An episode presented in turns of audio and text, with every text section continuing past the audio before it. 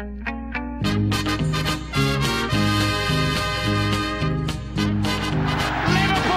are champions of Europe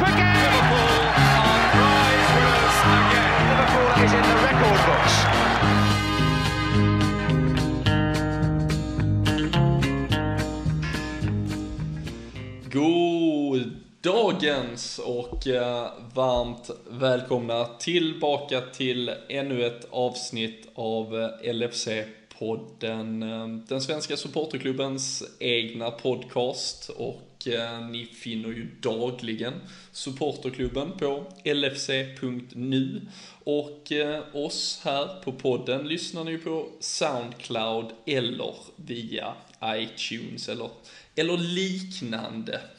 Vi eh, är tillbaka idag med eh, två matcher i ryggen. Vi har två matcher som väntar kommande vecka. Och eh, helt enkelt i vanlig ordning ett fullproppat avsnitt. Ehm, dessutom så har vi tillbaka våra vänner på bättreodds.se som sponsrar dagens avsnitt.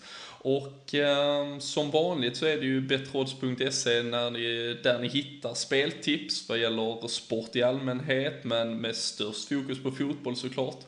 Och eh, just nu så har ni ju chansen att genom Bättre faktiskt vinna priser, fina priser och bland annat två matchbiljetter till Liverpool-Chelsea så att ni får chansen att se det nya Liverpool under ledning av Jörgen Klopp. Det är en tävling som är igång, så in på bättreodds.se för att ta den där chansen och ni kan även följa dem på både Facebook och Twitter för dagliga speltips. Men eh, Andra tävlingar som vi har haft som redan är avgjorda, det är eh, bland annat tipstävling från i helgen där eh, Emil Halvardsson vann en t-shirt från Sam Dodds, eh, tippade 1-1, eh, föga oväntat med tanke på att vi har sju av nio senaste matcherna med ett 1-1 resultat som eh, slutsiffra. Så eh, snyggt och klokt tippat där. Och eh, även ett grattis till Joakim Karlsson som vann vår eh, senaste tävling i tilläggstid. Där vi körde lite frågor om eh, Steve Highway. Det var ju i avsnittet för två veckor sedan vi körde det. Och ehm, i dagens avsnitt så blir det också lite tilläggstid, så håll ut efter att ordinarie avsnitt är avslutat och eh, se vad det blir för god gubbe som dyker upp där. Men eh, nu ska jag sparka igång dagens eh, lilla episod och eh, med eh, förhinder förra veckan från både Robin och Viktor så är det första gången eh, ni kommer tillbaka efter att Jörgen Klopp har på allvar introducerats. Eh, så välkomna in i, i värmen igen. Tackar, tackar. Hur, uh, vi får ju ta lite på pulsen där, hur, uh, en, en, någon form av helhetsbild, hur det har känts med tre matcher nu, uh, med Klopp som manager. Är det någon, sådär, någon känsla bara inom dig Viktor som är annorlunda kontra hur det var för några veckor sedan? Ah, den största skillnaden nu när själva bussen har lagt sig lite inför när det väl eh, hände och han skrev på och allt sånt där. Alltså, det är väl att man har fått lite, lite helhetsperspektiv kanske och visst det var jäkligt surt nu senast med att tappa ledningen när man ändå, när det är så lite kvar men det känns ändå som att det, nu har jag så mycket förtroende för framtiden så att det, jag oroar mig inte särskilt just nu i alla fall. Så det är skönt ändå. Det är någon sorts eh, någon lugn som, som man ändå kan ha fast det går lite, går lite väl tungt nu kanske. För är det just det, om man ska vara helt ärlig Robin, är det just liksom framtidstron som på något sätt ändå ger en lite mer hopp nu, eller finns det något i spelet, bara kort sådär, över tre matcher som, som borde ge en liksom någon positivare vibb än vad den var tidigare? Spelmässigt tycker jag inte att det varit någon revolution direkt, men man vet ju ändå att eh, eh, att framtiden ser ljusare ut på något sätt. Det var ju liksom en nedåtgående spiral innan som eh, ja, inte hade tagit slut. Nej. Nej, det är ett, ett trendbrott på, på många sätt, men som sagt fortfarande spelmässigt och framförallt resultatmässigt eh, mycket mer att önska såklart. Och väntar ju en vecka med eh, ligacupfotboll mot Bournemouth på onsdag, Chelsea på lördag därefter. Men eh, det vi kanske ska titta först på är ju då Rubin Kazan i Europa League. Det blev ännu en omgång 1-1. Tre raka kryss, tre raka 1-1 i Europa League-spelet. Och som du nämnde Viktor, ett, ett snöpligt poängtapp nu på hemmaplan, även om såklart gör man inte mer än ett så, så finns den där risken alltid kvar. Ehm, vi har sett också en Jörgen Klopp som nu har matchat i stort sett exakt samma lag. Tre raka matcher. Um, tycker du, kanske inte bara spelmässigt men även stilmässigt, kan man se ändå några tendenser på vad som liksom är Jörgen Klopps Liverpool på något sätt? Något tydligt du ser att han vill sätta och försöker få fram med det lagbygge han ändå presenterar på plan? Alltså, speciellt i de två första matcherna så tycker vi att det kanske varit lite väl mycket med gegenpressing och intensitet och vi kanske körde slut på oss snabbare än vad jag hade förväntat kanske. Men, eh, men just den biten som, som vi var inne på inför Tottenham-matchen är ju den som kommer sätta sig först. Liksom, att liksom springa det är ju en, en lätt ändring att göra. Sen är det ju svårt att få det att fungera på rätt sätt så att det blir en effektiv press. Men just att få in pressen och intensiteten i spelet är ganska lätt ordnat så. Sen, alltså utöver det så jag har ju sett ganska, ganska stabila ut bakåt ändå. Inte släppt in särskilt mycket, men, men det är väl främst i offensiven som man, man bara väntar på att få se liksom, några glimtar av det det spelet som Dortmund kunde visa upp. Eller liksom med det fart och fläkt och de passarna och liksom teamspelet som de verkligen hade. Och det har vi inte sett mycket av än så länge, men framtiden är ljus som sagt. Mm. Tycker du annars Robin att har man kunnat se några tendenser till hur han vill att vi ska spela anfallsfotboll nu? Jag, jag också, man har läst lite att just det här med att anfalla mot ett packat försvar var ju tydligen något han faktiskt brottades lite med i Dortmund och vi känner igen att Liverpool ofta utsätts för den typen av försvar. Vi har haft förtvivlat svårt med det tidigare. Vi ser fortfarande ut att ha ganska svårt med det. Um, vad, vad, tror du? Kan det bli lite tufft för honom att liksom anpassa sig till hur Liverpool, alltså det kommer ju inte vara de här öppna ytorna kanske som, som han framförallt i de tidiga åren i Dortmund hade liksom ändå att leva av till viss del? Ja, alltså jag är ingen... Eh, Långt ifrån någon taktisk expert så, men eh, det, den kritiken som fanns där i slutet på Dortmund-tiden var ju att han hade svårt att anpassa sig när de började bli lite lästa. Eh, det blev mycket kryss och sånt där liksom, när de inte kunde bryta upp eh, eh sittande försvar. Men eh, ja, jag vet inte. Det, det är för tidigt att, säga. Jag är, jag är positiv till mycket... Försvarsmässigt så tycker jag att man ser... Det är ett väldigt gott betyg att man redan efter tre matcher har sett liksom en klar, en klar förbättring. Eh, sen var, om det bara beror på självförtroende hos Sako som inte längre är rädd för att göra minsta misstag utan då blir bortplockad. Utan, eh, men ja, det, det är väl det mest positiva hittills om man ska se någon spelmässig förändring så. Mm. Och, äh, och det är ju som du nämner, alltså försvarsspelet i stort känns verkligen mycket mer solitt, eh, stabilt, eh, att det finns någon form av liksom en grundtanke i, i, ändå, i, i basförsvaret om vi säger så. Men fortfarande ja. två, två billigt insläppta mål. Vi har en fast situation, ett liksom ett slumpmål från ingenstans mot Kazan. Um, mycket har gjorts, som du nämner, på bara, på bara tre matcher egentligen. Men vad är det som ändå gör att vi tyvärr kommer fortsätta brottas med det? Är det fortfarande det där, den sista självförtroende-biten eller har vi ett, ett spelarmaterial som saknar ändå skärpan i vissa av de här lägena? Eh, menar du försvar? Mm, försvar. Ja, alltså det jag tycker det är lite slumpaktigt också. Jag tycker vi, mot Robin så släpper vi egentligen till bara två chanser. De är mål på en. Det är ett rätt, det är ett gott betyg. Alltså får man veta före matchen att vi släpper bara till två chanser, då tar man ju det alla dagar i veckan.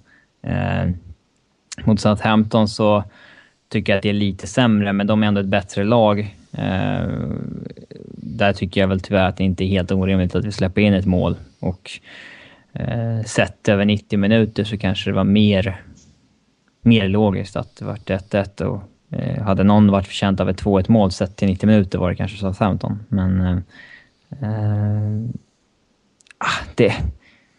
Ja, som jag sa tidigare, det, det finns en...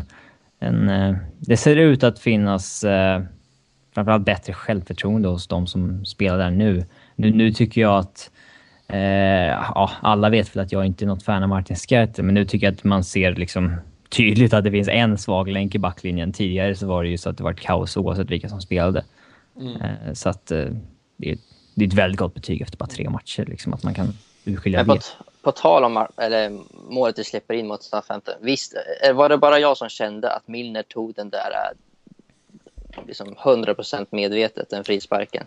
Tyvärr gör han ju det och, och det känns nästan som att han är ju ute hos Klopp typ två minuter tidigare och, och snackar lite. Um, och känns lite sådär naivt att vi känner att nu är matchen typ nästan vunnen.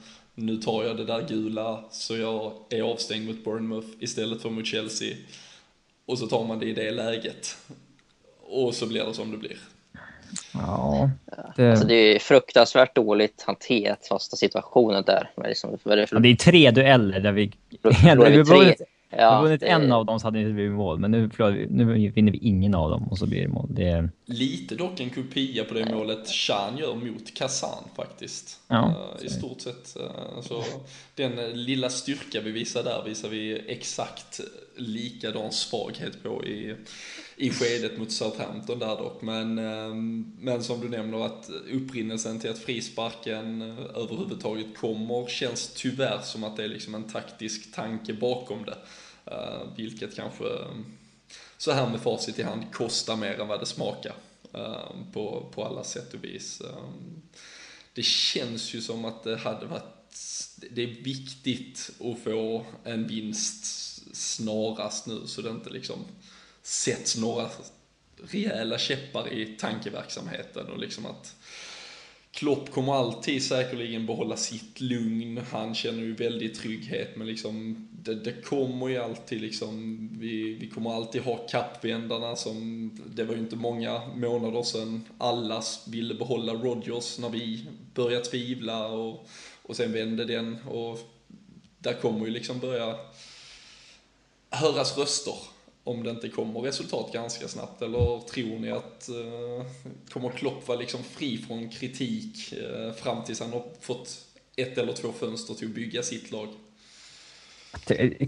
Ingen kommer någonsin vara fri från kritik. Det finns så pass många med kapacitet att skrika högt så att det hörs. Mm. Eh, så att det kommer liksom aldrig bli så. Men jag tycker att det är synd att, eh, att det är... Att i, i fotbollen i allmänhet är så resultatfixerat att man är så dålig på att analysera prestation, alltså att sära på prestation och resultat. Matchen mot Robin Kazan tycker jag är, vi gör en otroligt bra match. Benteke själv borde kanske göra två, tre mål bara i andra halvlek i sitt inhopp. Eh, att det blir 1-1, det beror ju på Eh, visst, ineffektivitet, men det är liksom någonting man måste också särskilja från prestationen. Och eh, skapa så många lägen framåt. Det är ju, då har man gjort en jättebra match. Eh, sen kommer man alltid ha... Man kan ha oflyt och inte sätta dem och vara ineffektiv, men det... Eh, jag tycker inte att det är en dålig match liksom. Mm. Men eh, du nämner Kazan där, absolut det offensiva, det var, det var lite bättre fart om ändå mot ett såklart sämre motstånd. Annars känns det ju som att, att en väldigt liksom tuff, liksom tappad länk på något sätt är ju att Coutinho har fallit ner i en otrolig formsvacka. Um, det känns lite som det har saknats i det och såklart extra tungt liksom för Klopp att få börja arbeta med ett lag där plötsligt Divock Origi ska vara liksom stjärnstrikern. Men uh, vad, vad finns där att mjölka ut ur det offensiva och vad tycker du? Har man sett någon förändring ändå att liksom att sättet vi attackerar på är annorlunda. Ehm, jag tycker det liksom fortfarande ser lite väl lite statiskt ut och lite för mycket trilla boll utanför box. Ehm, istället för att liksom, kanske att vi borde övergå mot en lite mer direkt spelstil. Alltså det blir svårt. Eh, man ser ju, alltså, så fort vi kommer in på sista tredjedelen någonstans där så när det väl ska börja hända någonting, när man ska börja liksom, liksom rulla boll och fram och tillbaka och sen hitta rätt spelare som gör rätt instick och det kommer rätt löpningar och så vidare. Alltså då, då kör vi fast. Och det har nog både med kvalitet på vissa spelare att göra och, men men förmodligen så i det stora hela så är det nog alltså mest med självförtroendet och det här med pressen som, på spelarna som, som Klopp har varit och snackat om flera gånger. Som liksom, jag förstår inte den här pressen. Det, liksom, det syns ju. Alla kan se det. Alla ser att spelarna tyngs av den, men jag kan inte förstå det, säger han. Och, och det är samma saker som efter målet. Det är som det bara dör. Och och det hjälper ju inte till exempel en som är hemmamatch, första Premier League-matchen hemma mot Southampton och Anfield dött efter 8,5 minut. Liksom, det var så tyst. Och, alltså det, det ökar ju på något sätt liksom, spänningen och lite, kanske spelarna kanske känner sig ännu mer, mer utsatta. Liksom, och det, ja, det, det, det märks att, att de har gått i en nedåtgående spiral allt för länge. Mm. Det, det, kommer ju ta ett tag att komma upp, så är det alltså Man kan inte förvänta sig att vi ska börja spela som Barca efter två matcher och, och, att vi ska börja vinna med 3-0 gång på gång. Utan det är bara att jobba sig, ta steg för steg och när det väl släpper så kan det ju väl släppa men mm. det, det, det krävs en hel del. Men tycker vi att vi ser redan nu några sådana tendenser offensivt? För jag kan fullständigt instämma med att eh, försvaret, vi har ju satt en organisatorisk solid grund. Men eh, ser vi någonting offensivt där det finns några guldkorn att plocka eller ska vi kort och gott få invänta rätt material innan vi ens ska förvänta oss att den revolutionen sker, Robin?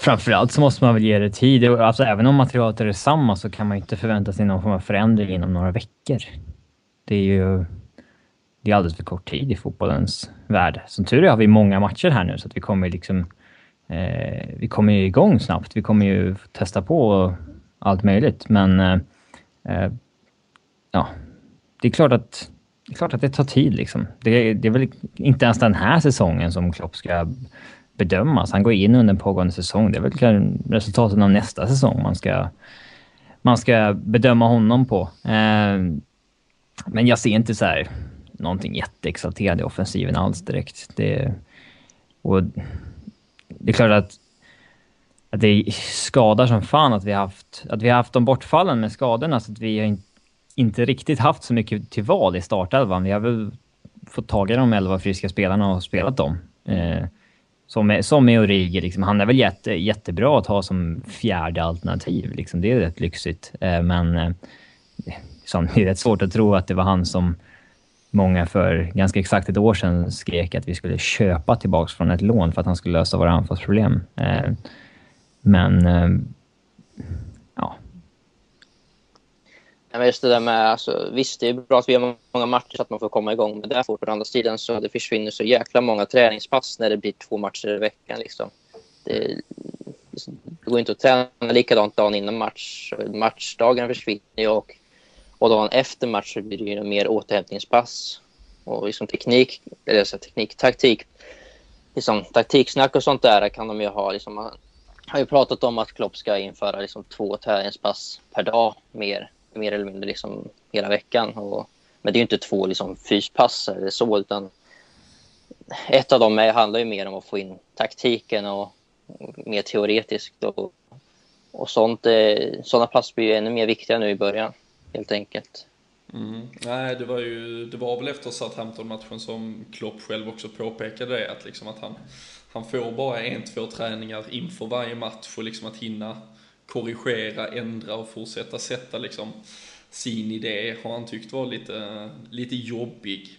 Men um, vi får se, det är som sagt, det är också en stor skillnad med, med England kontra egentligen alla ligor vad gäller där är inget uppehåll som väntar, vi har alla de inhemska kupperna och um, såklart något man också kommer behöva leva med um, om man ska fungera i, i, i ligan på lång sikt. Men det, det är jag ganska övertygad om att Klopp också kommer vänja sig vid eh, framöver. Det är såklart bara ett väldigt svårt läge att, att kliva in i från scratch och skulle eh, på något sätt liksom sätta sin prägel. Eh, men om vi tittar annars lite på, på offensiven. Benteke kom ju in nu och kommit in två matcher på raken igen. Ehm, som du nämnde Robin, borde kanske, skulle nog ha gjort mål mot Kazan. Gör mål här mot Southampton. Um, där var, jag såg någon statistik nu, han vinner ju fortsatt föga oväntat. Uh, I stort sett flest nickdueller i hela Premier League. Jag tror han ligger trea efter bland annat uh, Liverpool-dödaren Rudi Gestede. Um, ehm, och um, kan man ändå, skulle man kunna liksom slå ett litet slag för att vi borde spela lite mer cynisk fotboll, enkel fotboll. Alltså Milner har en bra inläggsfot, eh, Klein, Moreno, alltså borde vi kanske prova det lite för att få något billigt resultat om man får säga det lite fult eller ska vi liksom egentligen från nu jobba med den långsiktiga spelidén eller eh, bör man försöka hitta någon liten gyllene mellanväg där? Jag tycker väl vi har satsat ganska hårt på inläggsspelet sen, sen Klopp kom. Eh, det är väl så vi har skapat våra flesta chanser. Så att jag, vet, jag vill se mer av det, för det är väl ingen eh, bra idé som plan ett, tycker jag. Men eh, det är klart att Benteke är stark i boxen och ska man ha honom ska man, får man väl spela, tills hans, spela till hans styrkor, så att säga. Men alltså, jag, när han väl är på planen så är det klart att man ska använda det han, det han är bra på. Liksom. Det är, alltså, den där bollen Miller slår är ju, är ju perfekt. Liksom. Den är tidig, mittbacken är inte riktigt med och den är hög och liksom, det kan bara måtta och måtta och det blir en mot en läge där. Och, och det är sjukt vilket jäkla avstånd det är till mål ändå. Och det är en fantastisk snick men, men det, är liksom, det är ju ändå hans styrka och han kan ju göra sådana där. Mm. Så det är klart att man ska använda det liksom. Ja, och ja, jag vet inte, jo, kanske att det har varit en del, eh, samtidigt så som sagt Benteke har ju inte spelat eh, varken från start eller under längre perioder, men eh, det känns kanske som att det hade varit ett, framförallt med tanke på att Coutinho är fullständigt ur form i, i sin roll. Lalana tycker jag väl visserligen har gjort det bra, eh, men återigen fram tills dess att han egentligen ska göra något konstruktivt av det, då blir det alltid det här stapplandet och ehm, tveksamheten som ändå tyvärr får eh, fortsätta eh, symbolisera lite av vad han ändå bidrar med i slutändan.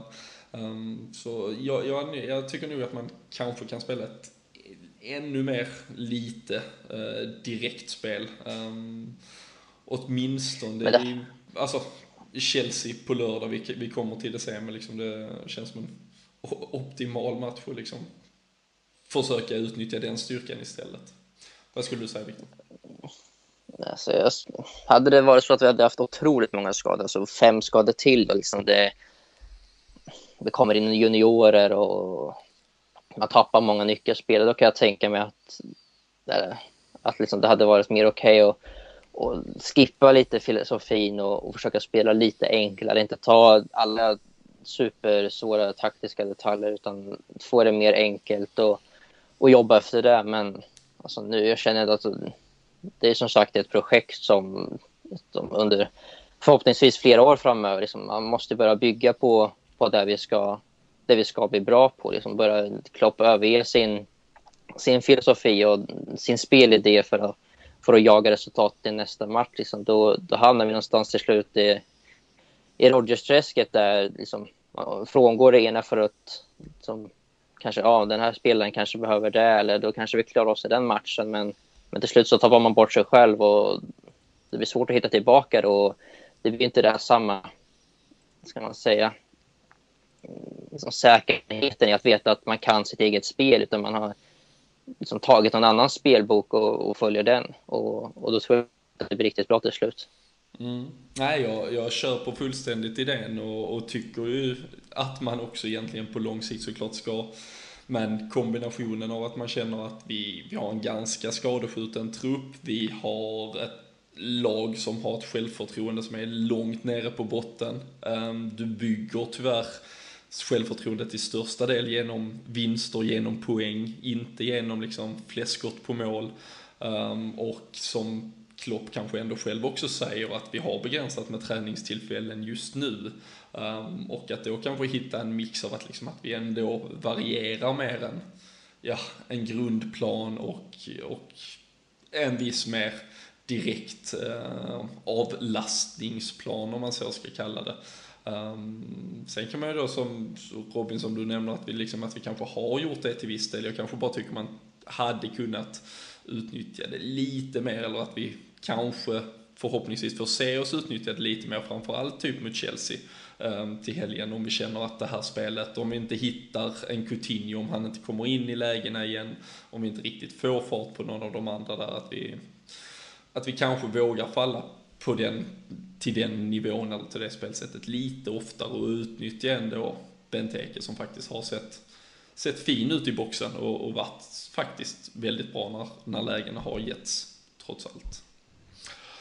Men eh, innan Chelsea ehm, så är det Bournemouth som väntar. Det är Capital One Cup, ligacupen uh, och eh, som sagt återigen en hemmamatch, tredje raka här för Klopp eh, och Eh, ett Bournemouth som eh, förlorar med 5-1, eh, tog ledningen i första minuten mot Tottenham, förlorar sen med 5-1.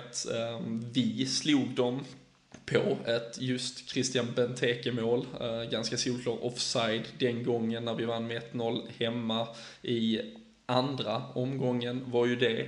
Um, nu uh, som vi nämnde så är James Milner avstängd, uh, Robin, men tror vi att Klopp annars i övrigt fortsätter med den här samma elvan? Vi satt ju för en vecka sedan och spekulerade i att kanske några ändringar skulle komma mot Kazan, men det kom inte. Tror du han tar chansen nu eller jobbar han kvar målinriktat med att sätta den här något sånäriga grundelvan som utifrån materialet han har åtminstone?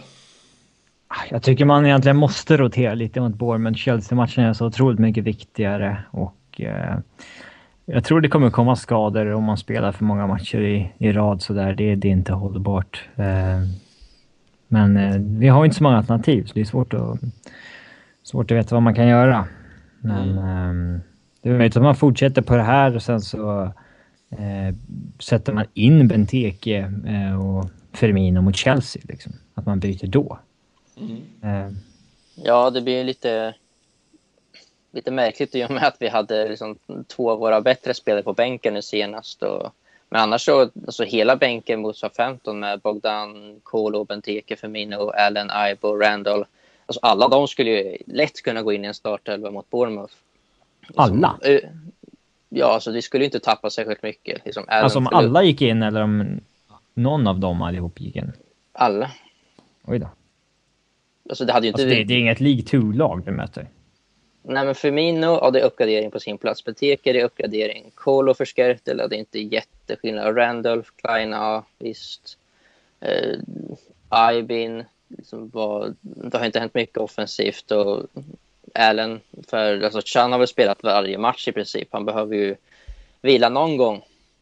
Men eh, liksom, det, det är inte så att det blir katastrofal kvalitet. Liksom, vi sitter ju inte på Firmino och Benteke på bänken och, och lite sådana där byten. Så att det, det är inte katastrof så. Nej, men tror ni, att, eh, tror ni att han gör de här bytena eller vill han? För, för jag trodde absolut att han skulle göra en del ändringar mot Kazan åtminstone, men den gången så valde han ju att hålla det ganska intakt. Han verkar inte vara, han, eller han har inte varit något fan av att rotera som jag har fattat det från Dortmund-tiden, så att, eh, det är väl inte omöjligt att det bara blir samma gäng. Ja, det är väl möjligt, men, men man börjar väl ändå ana att alltså nu, nu har ju Benteke och Firmino varit i träning och gjort inhopp här och där att snart så, så får han nog chanser från start. Det känns väl ganska troligt att Benteke startar mot Chelsea till exempel. Kommer ändå att spela 45 minuter nu senast och Origi hade ju ännu en eh, mindre bra match. Så. Mm. Och uh, att Daniel Sturridge på något sätt blir, uh, blir frisk uh, räknar vi helt och hållet bort, eller? Ja, han är med är en bonus. Han är, ja. Annars så räknar man inte med honom. Det är som vanligt säger det är tragiskt när han sitter på ett nyskrivet femårskontrakt som väldigt bra betald. Men eh, det kräver eh, mer programtid för att nysta, nysta ut det där. Men ehm, Robin, du har ju tidigare, eh, nu tror jag att vi får gå tillbaka till förra säsongen, men uttryckt Eh, en viss skeptisk, eh, eller skeptism till eh, just ligacupen generellt. Inget du sätter överst på önskelistan sådär innan säsongstart. Skulle man till och med i ett sånt här läge. Ny manager, vi, vi vet vad målsättningen är. Jag vet att vi har pratat om att liksom ett, en cuptriumf skulle vara liksom en billig väg in i supportrarnas hjärta också, men skulle man liksom kunna nästan offra kuppen för att få vissa vilor som vi annars inte får tyvärr? Jag hade gärna gjort det, men uh, jag förstår. Jag vill inte att det ska bli den här hetsen som det kommer bli då. Att oj, nu har Klopp varit där fyra matcher, vi har åkt ur kuppen, vi har inte vunnit någon match, bla bla liksom. Uh, det hade varit jävligt jobbigt så att... Eh, och, så en, ja. en vinst i alla fall, sen kan vi åka ja. ur cupen? Ja, eller... Alltså jag... Jag bryr mig inte om vi åker ur cupen, men det är ju... Det hade varit bra om vi kunde vinna någon av de två och ta den här ja, billiga vägen in i supporternas hjärta som du sa. Mm. Um, vad tror ni annars, eh, eller om kupperna, om vi bara stannar lite kring det, för som sagt, eh, Klopp kommer in och liksom inte uttrycker liksom någon, någon oro, men poängterar ju trots allt det här med liksom hårda matchandet i England. Ehm, vi hade Louis van Gaal var ute också i, eh, i helgen, eller innan helgen och pratade om liksom en stor del av liksom Englands typ så här, totala misslyckande på fotbollsfronten är liksom att man kör sönder sina spelare så de är i dåligt slag till mästerskap och allt möjligt just för inget vinteruppehåll. Det är ju en extra eh, turnering i form av eh, ligacupen. Eh, skulle man kunna ge dem lite liksom, eh, vatten på den kvarnen att liksom ligacupen snart måste se sig kanske utspelad vad gäller liksom Premier League-lagen? Sätter det för mycket press på liksom redan söndermatchade lag att typ behöva spela den här turneringen? Jag tror att jag, jag såg någon, någon sån här statboard med lite statistik på hur många matcher Klopp hade, hade med Dortmund samtidigt som, som, som, som och jämförelse med hur många matcher Liverpool hade. Och det var ju liksom när de gick till Champions League-final och sånt. Och jag tror liksom Liverpool hade under fem säsonger kanske alltså snittet 9-10 matcher mer per säsong. Oavsett, liksom, fast de gick till att spela dubbelmöten hela vägen in i Champions League-final och, och gick bra så. Liksom, och, och de vann ju kupper och bland annat. Och, och det, och det, det talar sitt tydliga språk att det är fruktansvärt mycket matcher i England. Och, alltså ligacupen, gör det någon större nytta egentligen? Liksom, det behövs inte två kupper, det räcker med FA-cupen. Nej, men jag menar det. Vad, vad, liksom, vad, vad får man ut av den? Vad, vad liksom Finns det några fler länder som har två inhemska kupper? Så här? Inte vad jag kan ta på rak arm i alla fall. Nej, trams. Lägg ner ligacupen. det, var, det var så enkelt, jag får, får, förvänta mig en. Men, uh, nej, men, ja. men det känns verkligen uh, som att... Och liksom, sen kan man då liksom... Eller så kan man göra den till en jävla uh, alltså U23-turnering eller någonting. Alltså mm. att man, eh, man får tre överåriga med eller någonting, men resten av laget måste vara... Ja. För det är ju det som är lite, kan man väl säga, problemet. För det ligger ju trots allt en eh, Europaplats i ligacupen väl? Gör det det? Ja, ja. Ja, precis. Och, eh, och så liksom, samtidigt som man då liksom vill slå ett slag för att ja, men det är en bra turnering som kan släppa fram ungdomar om nio av tio lag börjar släppa fram bara ungdomar, då kan ju väldigt lätt ett lag liksom ta utnyttja läget liksom, uh, så länge man inte har några restriktioner kring den. Um, så det känns ju som, jag, jag vet, för jag, jag skrev just det när jag läste om Fanchals utspel, alltså någon form av uppehåll, sen liksom, man vill inte ta bort julfotbollen från Premier League, det är ju liksom det är ju stort sett vad, vad liksom hela det är tradition och skit. Men det ska man inte göra. Men ett litet, det hade kunnat vara ett litet januariuppehåll hade vi säkert kunnat överleva. Och äh, just som du sa, alltså göra den till en U21, U23 äh, turnering. Äh, eller att... No, några överåriga med, men sen England måste ju börja få fram alltså, unga, nya unga spelare också. Och det känns ju också som att det hade liksom gett nästa, alltså jag hade näst, alltså jag tyckte det var ganska kul liksom att se Liverpools då U21, U23, alltså fortsätta liksom ändå lyfta fram turneringen. Ja, då hade jag, jag hade varit mycket mer intresserad av... Chelsea U23 än att liksom reservlag för diverse lag mot...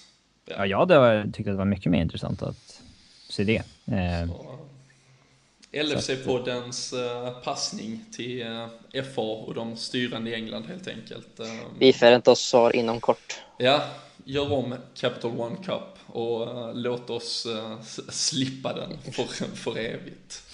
Men um, annars är det ju såklart uh, veckans liksom stora händelse, vad som komma skall. Chelsea väntar på lördag, uh, Stamford Bridge är alltid eh, på något sätt lite speciell mark att komma till, alltid eh, stora matcher när vi möter Chelsea. Och eh, nu är det dessutom ett Chelsea i spillror i stort sett. så artiklar idag från Mirror tror jag det var att liksom Klopp kan vara den som nu sparkar Mourinho ut ur Premier League. Det är liksom på den nivån man vill bygga upp matchen och Mourinho har ju redan inte så mycket kanske till över så han har i alla fall bittra minnen från Liverpool eh, och, eh, och nu skulle vi då kunna alltså vara laget som liksom tar hans Chelsea ifrån honom. Eh, de har inlett otroligt svagt såklart, sämre än oss. Herregud, bara det är ju ett statement. Och eh, senast i helgen ett rött kort, de missar på marginaler, de blir avvinkade, de, blir, de missar mål som känns sådär typiskt Chelsea att annars få med sig. Um, och Mourinho sådär tydligt ur balans eh, så att han liksom uh, blir uppvisad på läktare, han uttalar sig konstigt, väljer att inte uttala sig och ja, står för den show han, han brukar. Um, känns det roligare eller skräms man liksom lika mycket fortsatt av att möta Chelsea, Victor, med, med allt detta som ändå omgärdar matchen? Alltså det är ju, för det första är det bara det är fantastiskt att ett så jäkla bra lag kan gå så dåligt. Alltså, de är ju verkligen ännu mer djupare ner i skiten än vad vi är på något sätt. Och, men alltså, visst öppnar det möjligheter för oss. Det är klart det gör det. Men det är hellre ett dåligt Chelsea än bra Chelsea. Ja, ett Chelsea som det bara försvinner spelare och folk från bänken så fort varje gång de filmar, filmar bänken. Ja, nu var han borta.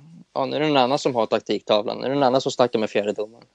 Mm, det var många managers där mot eh, West Ham senast. De, eh, ja, det var många nya namn för fjärdedomaren tror jag. ja, fyra, fem stycken som var ute och drog taktiska ja. direktiv. Ja, till slut kände jag inte ens igen dem. Det ser man ju vad med liksom överfokus på resultat kan göra i en alltså det, blir, det blir liksom panik i den klubben som kändes eh, tryggast inför säsongen. Och nu eh, känns det som att de liksom är i fritt fall och vilken dag som helst kan sparka managern som för dem till toppen igen. Mm, ja, det är, ja, det är sanslöst liksom hur de har fallit, men visst vill man möta det här Chelsea hellre än, än liksom, det välfungerande Chelsea som man van med under Mourinho. Alltså, de är ju extremt svåra att slå, och speciellt på Stafford Bridge. Men mm. alltså, nu känns det ju helt öppet. Liksom. Det är ju det är två lag som verkligen inte har fått mycket att fungera.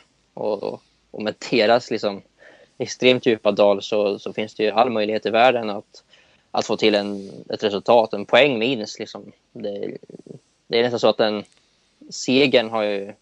Alltså man brukar ju tänka att en seger är ju... Eller en, en oavgjort resultat brukar ju vara liksom, där man får satsa på borta mot Chelsea, men det känns som att det har flyttats nu till till en seger. Liksom. Det, det, det, det, kan väl definitivt ta en vinst. Så är det Om ja, Benteke tillbaka, Firmino kanske starta igen. Förhoppningsvis inga skador eller sånt där skit nu i, mot Bournemouth. Men, men alltså, det kanske är bra för oss också att möta eh, alltså ett topplag. Och verkligen få, det sätter ju en annan karaktär på matchen. Och, alltså, pressen blir ju ändå inte lika stor om du möter ett Chelsea bort. än som du på något sätt envis ändå inte ska slå så än att möta Villa hemma till exempel. Mm. Och det känns ju framförallt som att eh, det blir första matchen där på allvar eh, liksom Klopp kan få spela sin gegenpressen och liksom utnyttja eventuella omställningar. Så Chelsea i, i den pressade situation de är, de kommer ju inte ges chans att på något sätt liksom backa hem. De kommer ju behöva frammanade av Stanford Bridge liksom sätta full fart framåt egentligen och liksom kan vi, kan vi bryta upp spel, kan vi liksom komma till några omställningar så, så ges ju kanske chansen att visa de där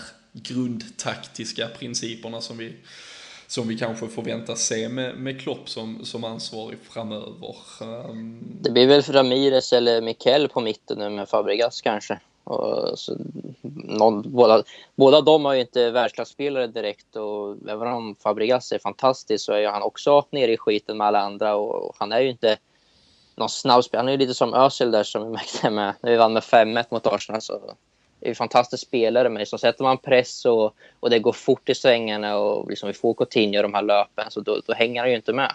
Och att spela han i den här sittande mittfältsrollen tillsammans med en annan. Så då ska han ju spela med en Matic som är liksom riktigt superb i defensiven. Men byter ut honom som liksom Matic mot Är han avstängd mot oss eller? Ja. Nej, jo, nej, nej, nej, det är han inte. Inte? Ja, men... de, de spelar väl också ligacupen i veckan? Ja, det är möjligt. De kan ju omöjligt ta ja, ut ligacupen. Men eh, Matic kan mycket väl vara petad. Han har ju varit petad eh, tidigare och kom tillbaka ja. på nåder nu i stort sett. Och, och ja, men han var väl inbytt och utbytt i samma match. Och det, ja. Han har ju inte haft det lätt. Nej, han har varit direkt uh, urusel faktiskt hela säsongen också. Men... Uh, Hoppas han är petad i alla fall. För ja. att i grunden är ju rätt grym. Såklart. Men, men du var inne på det Robin. Du, du nämnde lite med i förhållande till vinst i oavgjort. Alltså, vi åker trots allt nu till ett Chelsea som liksom så här många omgångar in i ligan faktiskt ligger sämre än oss. De har redan förlorat fem matcher. Um, kan man då ändå se det som det där stormötet och kan man liksom vara nöjd med en hedersam förlust eller är detta liksom nu nu är det faktiskt en match där vi liksom, ska vi liksom förvänta oss poäng faktiskt liksom? Ska man kunna ställa det kravet på laget? Ja, jag, jag tycker aldrig man kan ställa krav på poäng. Men en prestation där vi liksom inte är... Under... Ja, men liksom är underläge. Som vi såg mot United tidigare år när vi liksom åkte dit och betedde oss som att det var liksom under storhetstidens United. Att vi skulle bara dit och be om ursäkt för att vi var där, typ. Eh, så, så får det absolut inte bli. Eh, och så tror jag inte att det kommer bli. Eh, ja, tänkte på det nu när du sa att de har fem torsk. Kommer du ihåg för typ fem, sex år sedan när snacket gick att man bara fick förlora tre eller fyra matcher på en säsong för att ens ha en chans på titeln i Premier League. Och nu... Ja. Alltså de... Ja, alltså, de, de, skulle... åren är, de åren är lite förbi. Ja, kan verkligen säga. Vi förlorade väl två matcher 08-09 när vi kom tvåa. Ja, jag tror det. Så bara, det är andra krav nu för tiden. Ja, nej men det är ju så. Det var vi väl inne på. Eh, det var ju för två år sedan när vi så nära vann ligan. Just det här med att komma topp fyra. Den ribban har ju höjts en del, men att vinna har sänkts en del. Större konkurrens om fjärdeplatsen, men... Ja. Äh, ja. Men alla lag hinner tappa ganska många poäng längs vägen. Um, ni har varit ja. inne på att uh, Christian Benteke dels uh, lär fysiskt uh, kunna vara liksom till tillhandahållen, redo att kunna starta spela mot Chelsea. Roberto Firmino är ju en annan som, som av skadeskäl vilats till viss del här inledningsvis. Känns det annars som liksom, om man tar det laget vi nu har sett, finns det andra saker ni hade velat göra för att faktiskt sätta lite mer fart på det här laget? Finns det några ändringar i formation, i spelarmaterial för att liksom få ut ännu mer, även om det är en begränsad trupp vi har att göra med? Vi har ju inte så mycket alternativ, så det är svårt att... Nej, det... Jag vet inte vad det skulle vara. Det, det är klart att Firmino ska in istället för Lallana när han blir hel. Eh, och när han är kry, kry för att spela 90. Men uh, utöver det så har vi inte jättemycket alternativ faktiskt. Mm. Ska han in istället för Lalana exempelvis redan mot Chelsea om han är frisk eller? Ja då. Kan man slå ett slag för att Filip Coutinho skulle behöva vila?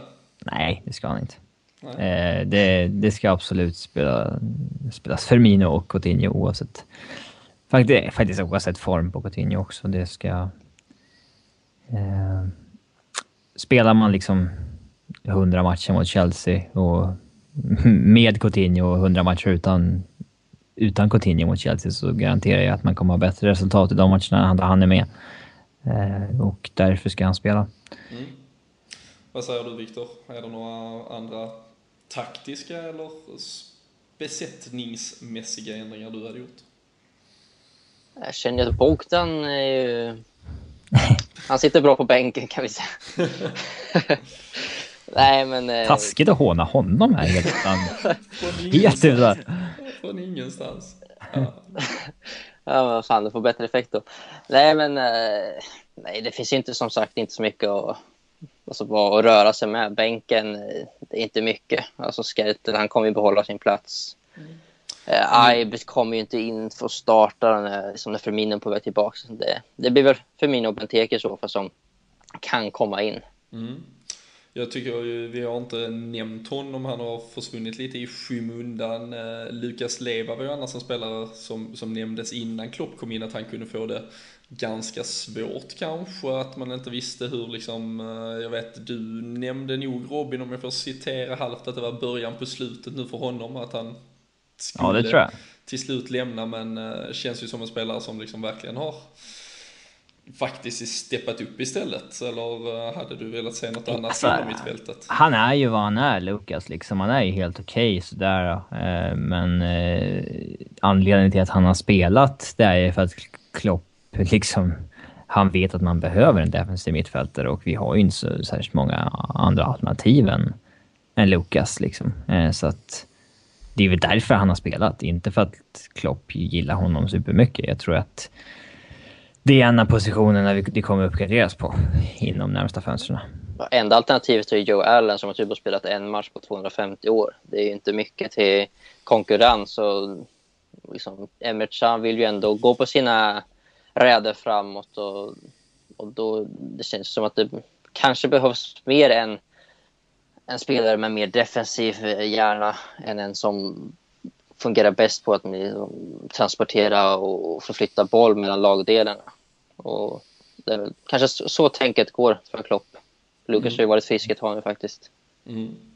Ja, vi, eh, ja, vi får se. Nej, men det känns som sagt, de har, han har satt ett, ett inom mittfält trots att som han känns, känner sig ganska nöjd med och även om han gjorde den taktiska förändringen mot, mot Tottenham och går ner på den här 4 3-2 ettan kanske så känns det ju också nu efter att ha sett de två efterföljande matcherna att den här 4-2-3-1 trots allt med, eh, med all sannolikhet är vad som också kommer att eh, jobbas vidare med. Men um, vad tror ni då om ni tittar på det här Chelsea-laget? Finns det liksom, är det faktiskt en chans liksom att, att utnyttja den här ja, skakigheten och den till viss del då liksom förvirran som råder i Chelsea nu. Kan vi, eh, kan vi ställa till det för dem på lördag och sätta José Mourinho i den ordentliga skiten? Ja, visst går det. Alltså det vi har ju... Alla är friska, på säga, men det kommer det inte vara. Men alltså, det finns ju ändå kvalitet i laget. Och, alltså, sådana här matcher brukar ju kunna gå precis hur som helst när det när det är två lag som är så skadeskjutna och liksom självförtroendet verkligen är i botten. Liksom det, det kan ju bli missade frilägen, liksom, skjuta över från en halv meter. Liksom det, allt sånt där är ju bara att förvänta sig att det kan gå precis hur som helst. Och, och kan allt gå hur som helst, liksom, då, då öppnar det ju dörrar för oss. Mm. Vad tror du Robin? Ja, jag tror väl också det kan gå hur som helst. Det är jäkligt svårt att analysera. Man har ju inte liksom grepp om vart Liverpool är nu under Klopp. Vad, vad, hur hög förmåga har vi i oss? Och eh, ja, jag har inte sett jättemycket av Chelseas matcher heller och jag vet inte vad de har för problem, men eh, eh, ja, det kan gå fullständigt hur som helst. Och, eh, alltså, inget av resultaten åt det Liverpool, Chelsea eller oavgjort skulle väl liksom vara ologiskt på förhand. Mm. Nej, alltså där finns ju, där, där, finns ju absolut både, både statistik och, eh, och form och eh, spel som, som visar för att uh, allting skulle kunna hända här egentligen. Men uh, det känns, jag hoppar och det är kanske lite därför också jag var inne på det där direkt nu. Nu såg jag um, West Ham, uh, Chelsea i helgen, uh, till och med Andy Carroll kom ju in och gjorde mål på dem. Och, och det, det var hans första mål på jättelänge va? Ja, sen i januari, men han har väl inte spelat mycket sedan dess heller. Det brukar vara sådär 7-8 månader mellan matcherna. Lite av eh, Daniel bruk, Sturridge-symptomet. Han, han, brukar ju framförallt missa nästan hela hösten för att han haft en rätt vild sommar ofta. lite, lite tuffa, Ibiza. Ja, lite tufft på Ibiza där med han och Stewie Downing har stått i baren. Men, äh, nej, man, men man såg ju där också, det har ju varit vida känt att liksom hela försvaret i Chelsea har ju gått från att vara liksom ett ja, ett rent mästerverk till ja, något fullständigt liksom kapitulerat fiasko i stort sett. John Terry är absolut inte den John Terry han var förra säsongen. Ivanovic är absolut inte den Ivanovic han en gång varit. Han var ju helt och, överjävligt bra för, ja. för år sedan. Ja. Och um, som sagt även ett centralt mittfält som inte alls tar det jobbet som, som de, de bör, dels bör ta och som de liksom har potentialen att kunna ta. Um, och det känns lite, trycker du ner Chelsea och de har också, de har Begovic i mål nu istället för en check eller en Courtois. Och um, det känns som att liksom pressar vi på. Jag hoppas bara inte vi gör samma misstag och liksom står, står stilla utanför boxen. För är det något Chelsea trots allt kan så är det att liksom ändå samla sig, tajta till det. med liksom, sätter vi den djupt, pressar vi ner det här försvaret, kommer vi att skapa ett hål till Firmino och Coutinho utanför boxen dessutom. Och det känns som att vi kan utnyttja ganska mycket i just de luckor och de problem som Chelsea har just nu om vi, om vi liksom vågar att göra det framåt. Eh, men tar vi det för långsamt, blir vi stillastående och liksom, liksom lite bolltrampande när vi får den, då, då kommer vi att spela det i händerna på Chelsea ändå. För den, där finns ändå någon grundtrygghet som, som de är bra på att liksom täcka skott och liksom döda ytor. Men eh, kan vi få lite rörelse på den där stabbiga backlinjen genom att liksom pressa dem ner mot, så djupt ner som möjligt mot eget mål, utnyttja ytorna som kommer framför så eh, mm, för första gången på länge så känns det som att vi har en ganska okej okay chans i alla fall att, att ställa till det mot Chelsea. Det, det, är inte ofta man, man känner så ju. Det vore kul att se alltså hur, om vi kommer ut liksom med gasen i botten och verkligen maler på liksom så gott vi bara kan, liksom som det var där i öppningen mot Tottenham och, och att det ger resultat, att vi får ett 1-0 och sen fortsätter. Liksom, vad, vad händer med spelarnas huvuden och liksom, hur liksom, tappar Mourinho liksom, ansiktet igen och, och hur reagerar publiken? Liksom, får de känna smaken av att liksom, vara, vara en klubb som har pressen på sig att liksom, vinna titlar varje säsong? Kommer den att liksom, sätta sig ännu mer på dem då? Och, och liksom, det, det finns verkligen en chans där och det, det det ska bli riktigt kul att se faktiskt. Mm. Vad eh, tror vi nu att detta slutar då? Vi har dratt förutsättningarna, vi har öppnat dörren på glänt för att något skulle kunna hända, men får ju samtidigt ha i beaktning att eh, Liverpool själva har eh, som sagt sju 1-1 matcher på de nio senaste bland annat. Och vi, vi har ju inte rosat marknaden vi heller, men um, vad tror du att Chelsea-Liverpool slutar på lördag Robin? 0-0. Och vad tror Viktor att den slutar? 0-1. Alltid lite optimist. Ja, och, fan. Och jag, eh, jag, tar, eh, jag tar statistiknördande och historieboken till mitt hjälp och säger 1-1. Det, känns eh, gångbart och faktiskt ganska troligt om vi väger in fler parametrar dessutom. Så eh, målsnålt åtminstone när vi tippar. Eh, I vanlig ordning kommer det under veckan komma ut tipstävling på Twitter. Håll ögonen öppna där. Vi kör ingenting mot Bournemouth här i ligacupen, men som sagt mot Chelsea smäller vi av en tröja till från Sam Dodds. Vi ehm, avrundar nu härifrån. Ehm, men eh, tackar såklart våra sponsorer, bettråds.se för ehm, dagens podd här och till er där hemma önskar vi en alldeles fantastisk vecka med förhoppningsvis Jörgen Klopps första Liverpool-seger. Och eh, om bara några sekunder, en liten trudelutt, så fortsätter eh, vi med tilläggstid. Där eh, jag sätter mig ner med Jonas Pettersson och eh, snackar om en annan tysk eh, dominant som Liverpool haft äran att ha i sin ägo. Eh, Marcus Babel. Nah, hade kunnat vara. Vi, uh, time will tell, men uh, jag tror de flesta kan ana vem det är vi ska prata om. Så, uh, men håll till godo, fortsätt lyssna för det ordinarie avsnittet så tackar vi för oss och så hörs vi om en vecka.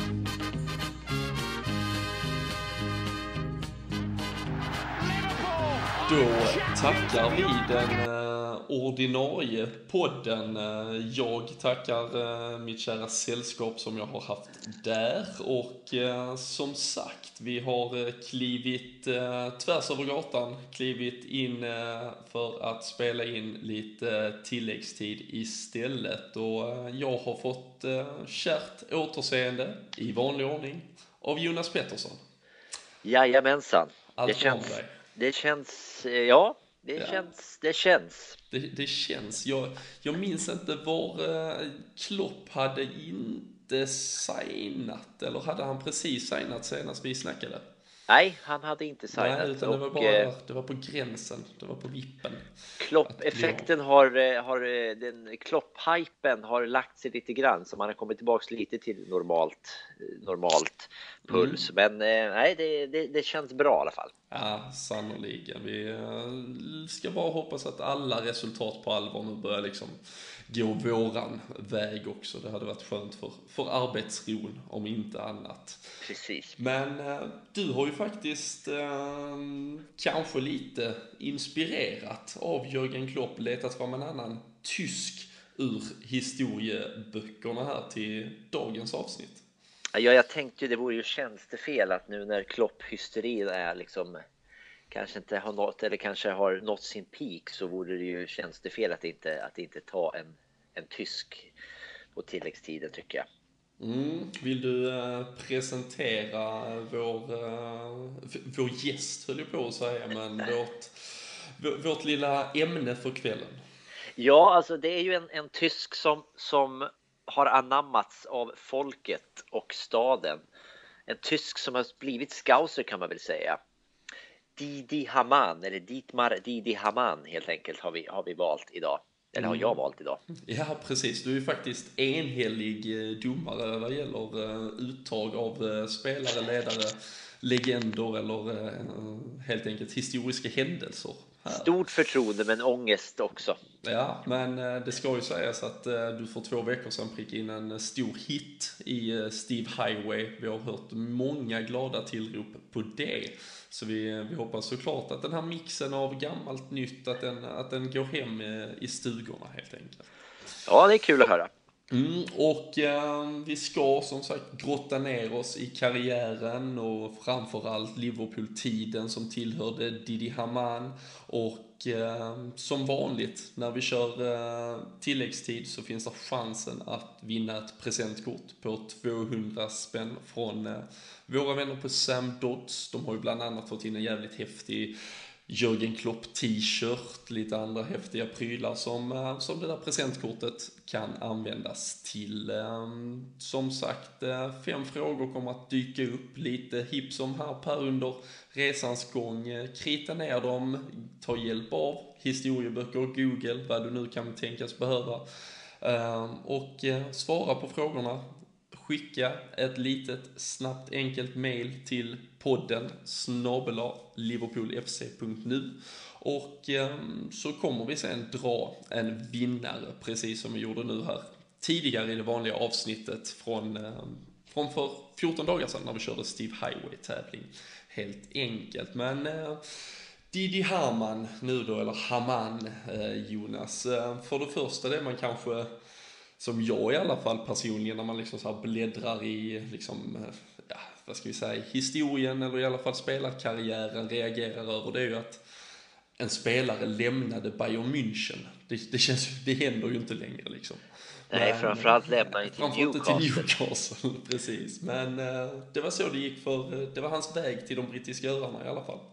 Ja, alltså jag, jag har ju alltid haft en liten, en, en liten vad ska jag säga, förkärlek till Hammar för att jag är 1,93 och han är 1,91. Han var liksom skön, lång och gänglig och såg liksom inte alltid ut att ha koll på grejerna. Men han, han, han kom alltid ut med segern i behåll i alla dueller och det, det, det fall mig i smaken.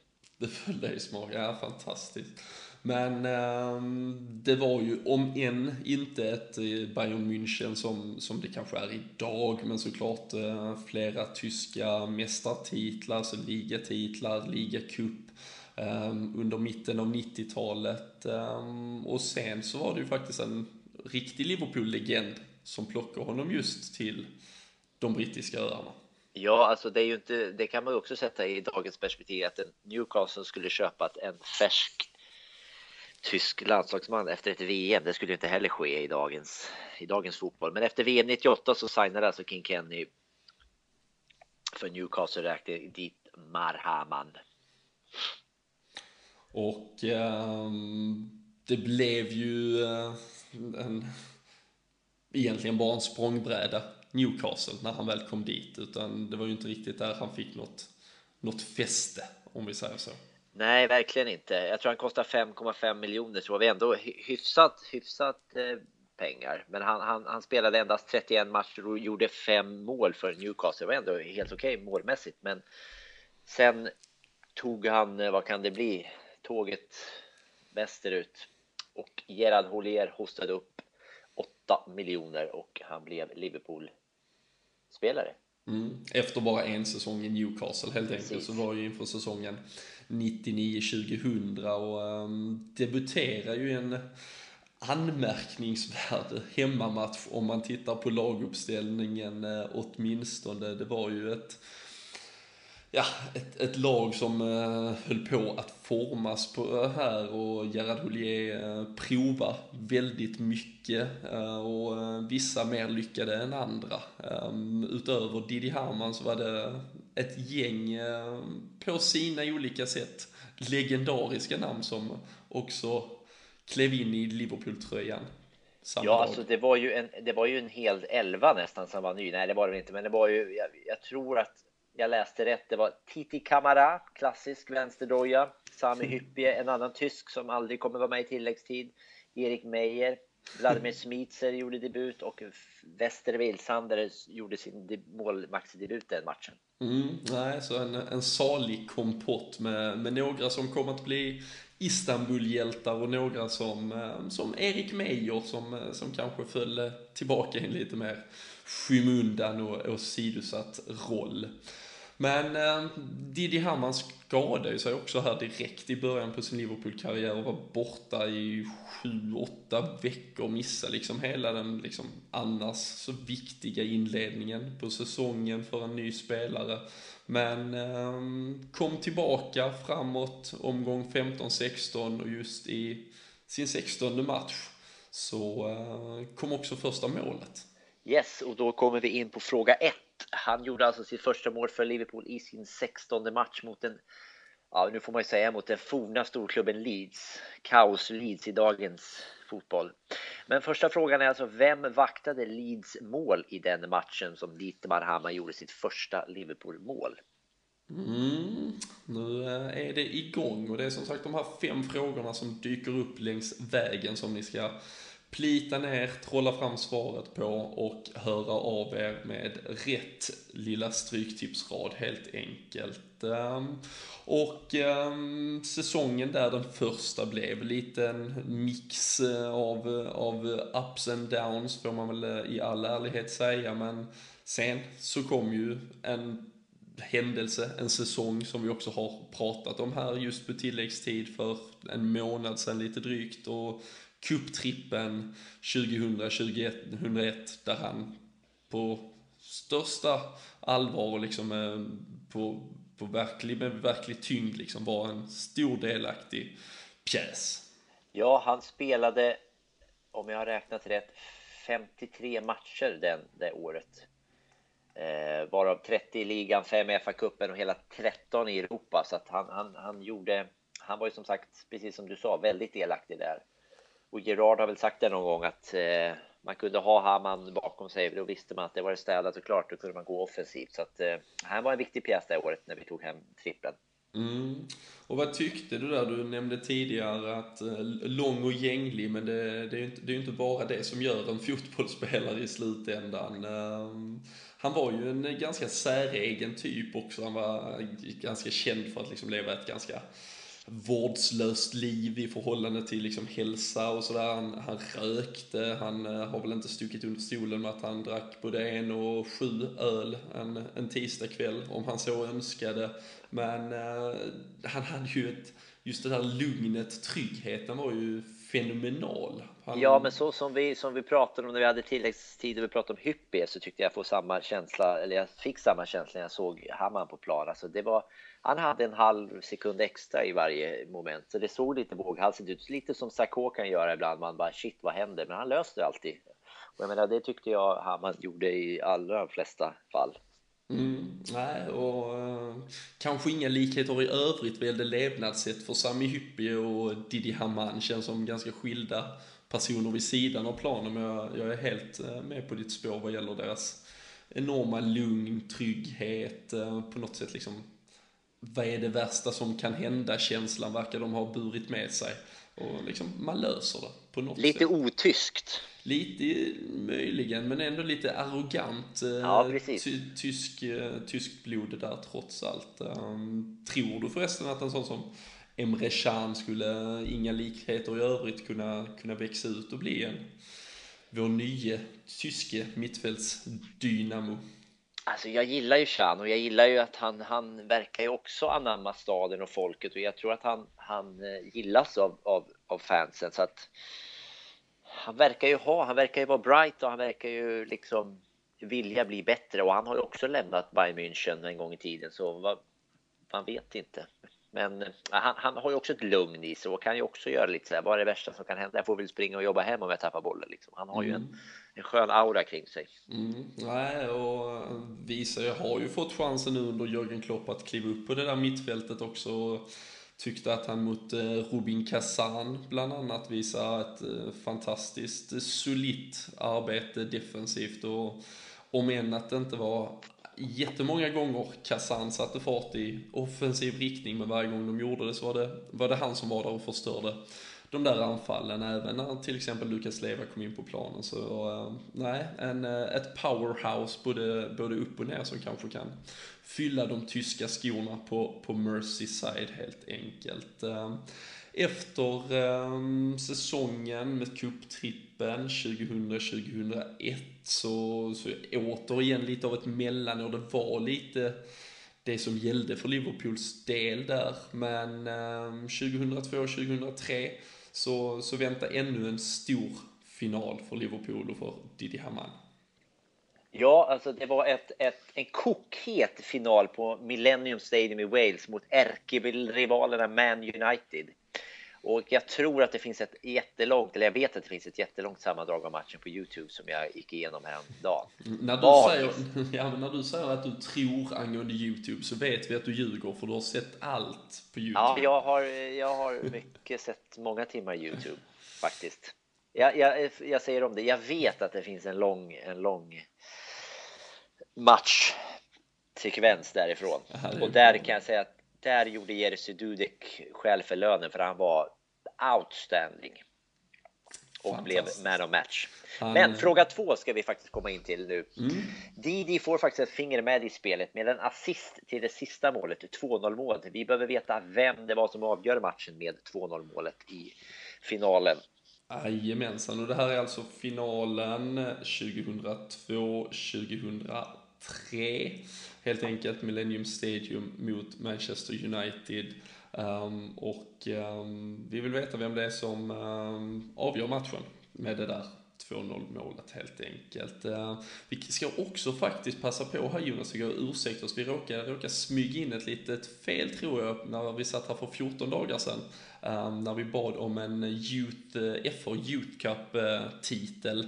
Um, som vi bad om 2005 års, jag tror det var 2007 års vi egentligen menade, har fått ah. många, många reaktioner på detta. Så uh, vi, vi lovar att vi, vi ska skärpa till oss på den. Det är så vi bygger. Det är så vi bygger, men det visar på uppmärksamma och riktigt duktiga lyssnare. Underbart. Absolut, men... Uh... Vi vill alltså veta ligacupfinalen mellan Manchester United och Liverpool. Vem gjorde Liverpools 2-0 mål som Didi fick en assist på? Precis. Nu är det ordning och reda på sakerna. Yes.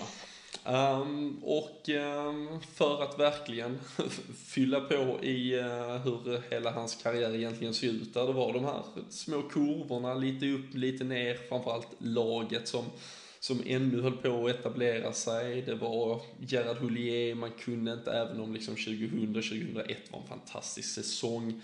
Det var svårt lite att liksom ändå sätta ett, en stämpel på, på hur bra det här laget var. Det blev lite av några fiaskon efter 2002 med de värvningarna som kom. Det var ett ganska sargat Liverpool i stunder här. Uh, framförallt om vi tittar hur truppen kanske delades under åren och, och egentligen så var det ju här efter, efter den ligacupfinalen så var det ju egentligen fram till att Rafa Benitez kommer in sen som, som liksom det tar fart på allvar igen för Didi Hamann och för, och för Liverpool.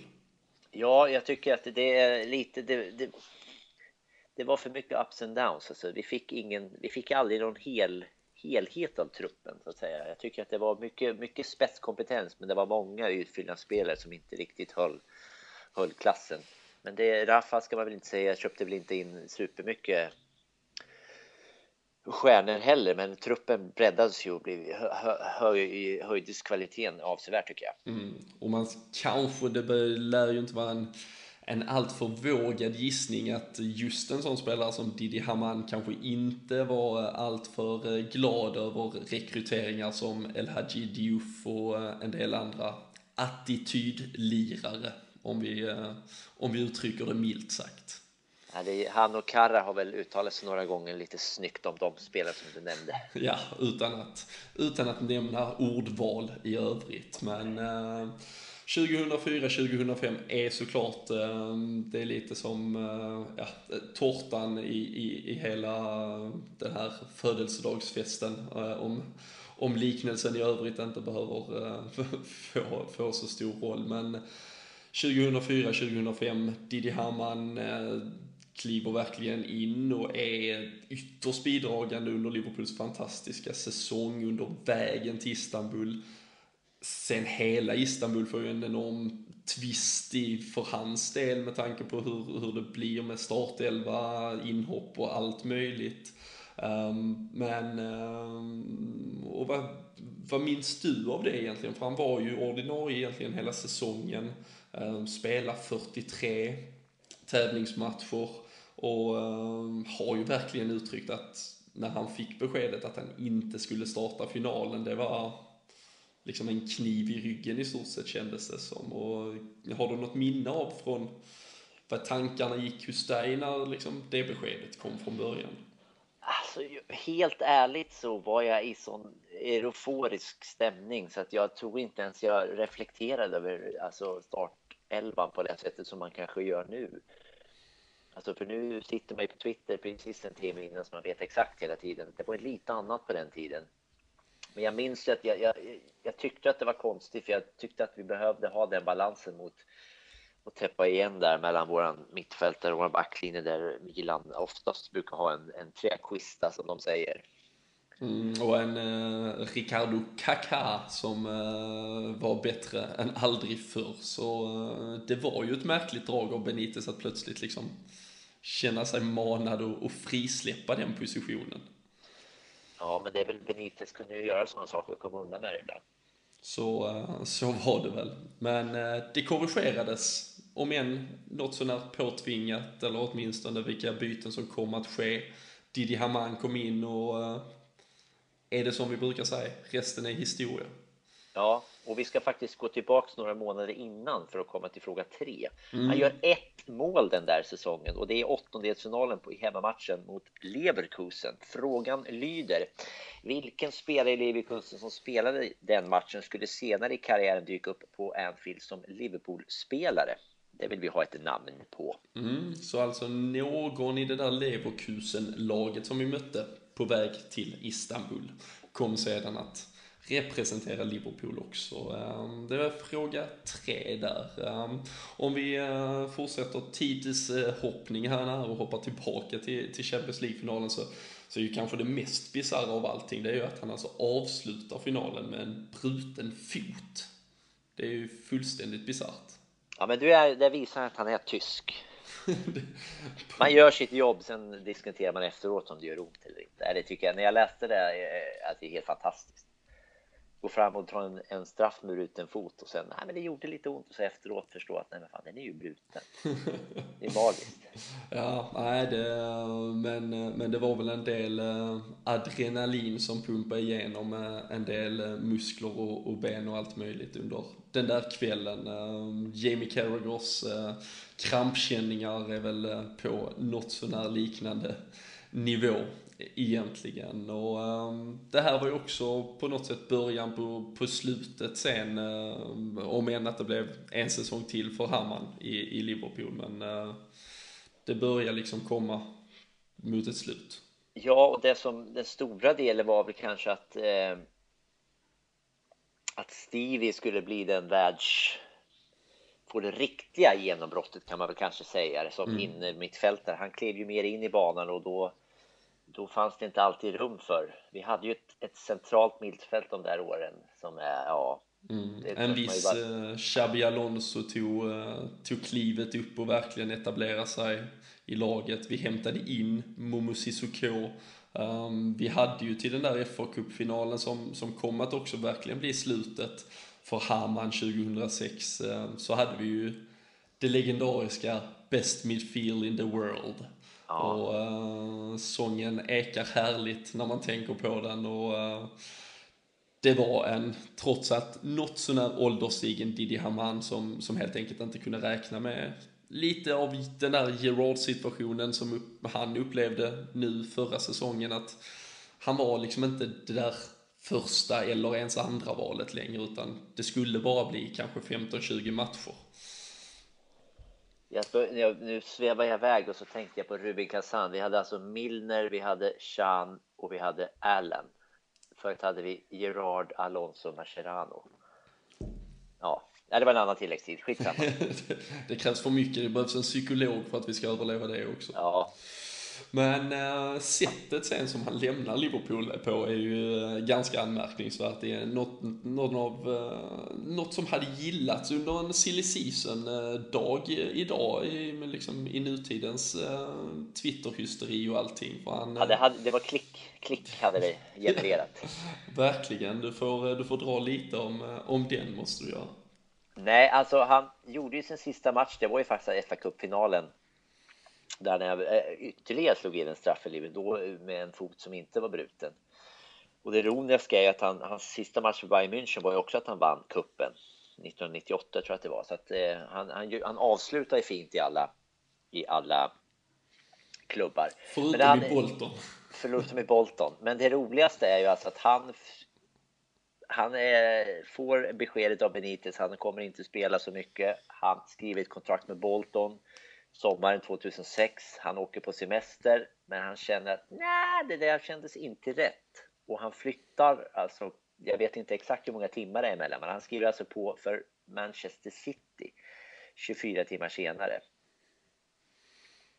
för en fi av 400 000 pund. Inte jättemycket pengar, men alltså han gick gratis från Liverpool till Bolton. Bolton ägde han i 23 timmar och 53 minuter. Säljer han vidare för 400 000 pund. Det är en, bra affär. Det är bra, eh, bra dagsintjäning för numera Championship bottenplacerade Bolton. Det är pengar de kanske hade behövt eh, i, idag helt enkelt. Eh, men, men nej, han lämnar och ett City som ännu då inte hade liksom blivit det City som det är idag. Det är ju inte, som sagt, många märkliga karriärsteg här. Det är ju inte heller att man kanske trappar ner karriären i, i Manchester City i, idag. Men eh, det, det, har hänt mycket på fotbollskartan eh, de senaste åren. Och eh, tittar vi tillbaka under hans karriär också så vet jag att vi har en fråga till här just på ett, ett lag som Liverpool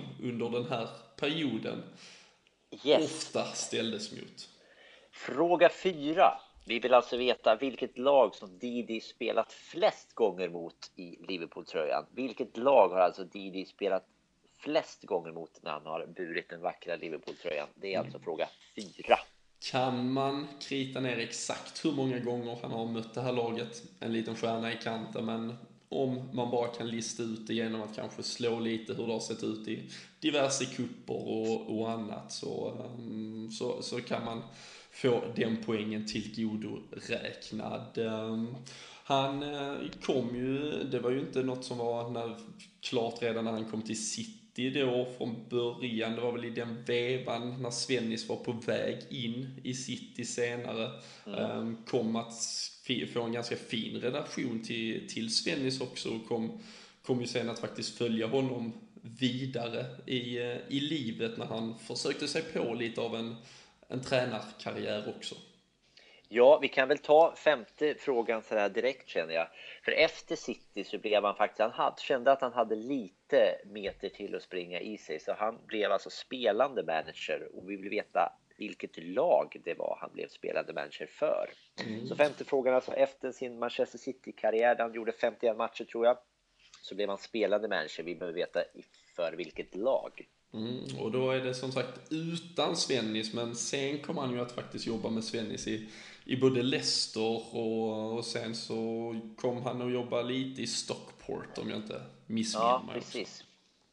Så uh, en, en, liten, liten tränarkarriär bakom sig också. Men som sagt, vilket lag tog han som spelande manager efter sin uh, City spelarkarriär helt enkelt. Ehm, och uh, måste, tycker jag, en liten anekdot. Han, där finns ju en bok också, The Diddy Man, My Love Affair with Liverpool, som du, som du nämnde ganska tidigt där så, så har han ju verkligen blivit förälskad i, i staden, eh, i, i, liksom, i hela kulturen, um, syns ju ofta i uh, sammanhang med, med Liverpool för LFC TV som, uh, som bisittare, kommentator, studiomedlem där.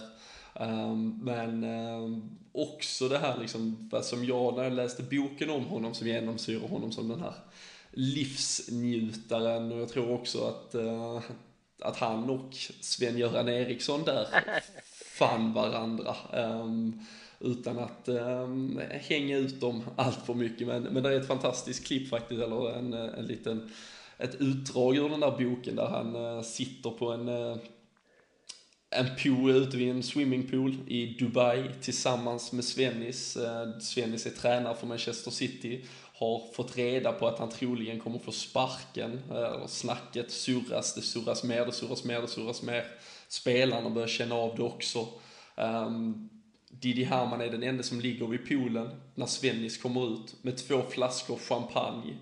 Och eh, blir liksom lite, vad fan, vad gör gubben liksom? Och så, eh, och så frågar han honom, men Svennis vad, vad firar vi? Finns det något att fira? Så säger Svennis, lugn och ro, öppnar champagnen och säger vi firar livet. Och så lutar han sig bak och dricker lite champagne. Eh, där tror jag att de fann varandra i alla fall. Det är en bild som jag faktiskt kan, ja, jag kan se den framför mig. Ja, och jag tycker också att det, det är en av meningarna jag verkligen minns från den där boken om Hamann, för jag tror att den, eh, det, jag tror att det är också lite så han lever liksom. Vi firar livet, vi, vi, vi har det gött och njuter. Och uh, att kunna ha den inställningen i en fotbollsvärld som numera blir så liksom taggar utåt, extremt fixerad kring liksom eh, diverse ideal och, och, allt annat så är han var en av den sista generationen tror jag, liksom helt genuina och gedigna fotbollsspelare. Jag såg han ju på Legends-matchen uppe i Stockholm mot United. Han var, nej, jag, han, han har den auran, precis, precis som du skrev även nu kan jag säga. Mm. Magen var väl lite större men lugn och harmonisk men missade inte en passning. Ja, det var helt magiskt. Ja, nej, vi, eh, vi eh, önskar Didi Hamann all lycka till i, i vad han än tar för sig framöver. En, eh, han håller i alla fall bra låga på, på Twitter också, så där kan man ju fortfarande hänga med i allt vad han tycker och tänker om både Liverpool och, och livet i övrigt. Men med de orden så summerar vi dagens, ännu en gång, lite för långa tilläggstid. Fem frågor har vi hunnit plöja igenom. Krita ner era svar, dra iväg dem till podden snabla liverpoolfc.nu och eh, var med i eh, utlottning där om ni då har alla rätt med ett presentkort på 200 spänn från Sam Dodds. Men eh, tills vi hörs nästa gång Jonas, ha det så bra och eh, till alla lyssnare där ute, ha det fantastiskt bra så hörs vi igen snart.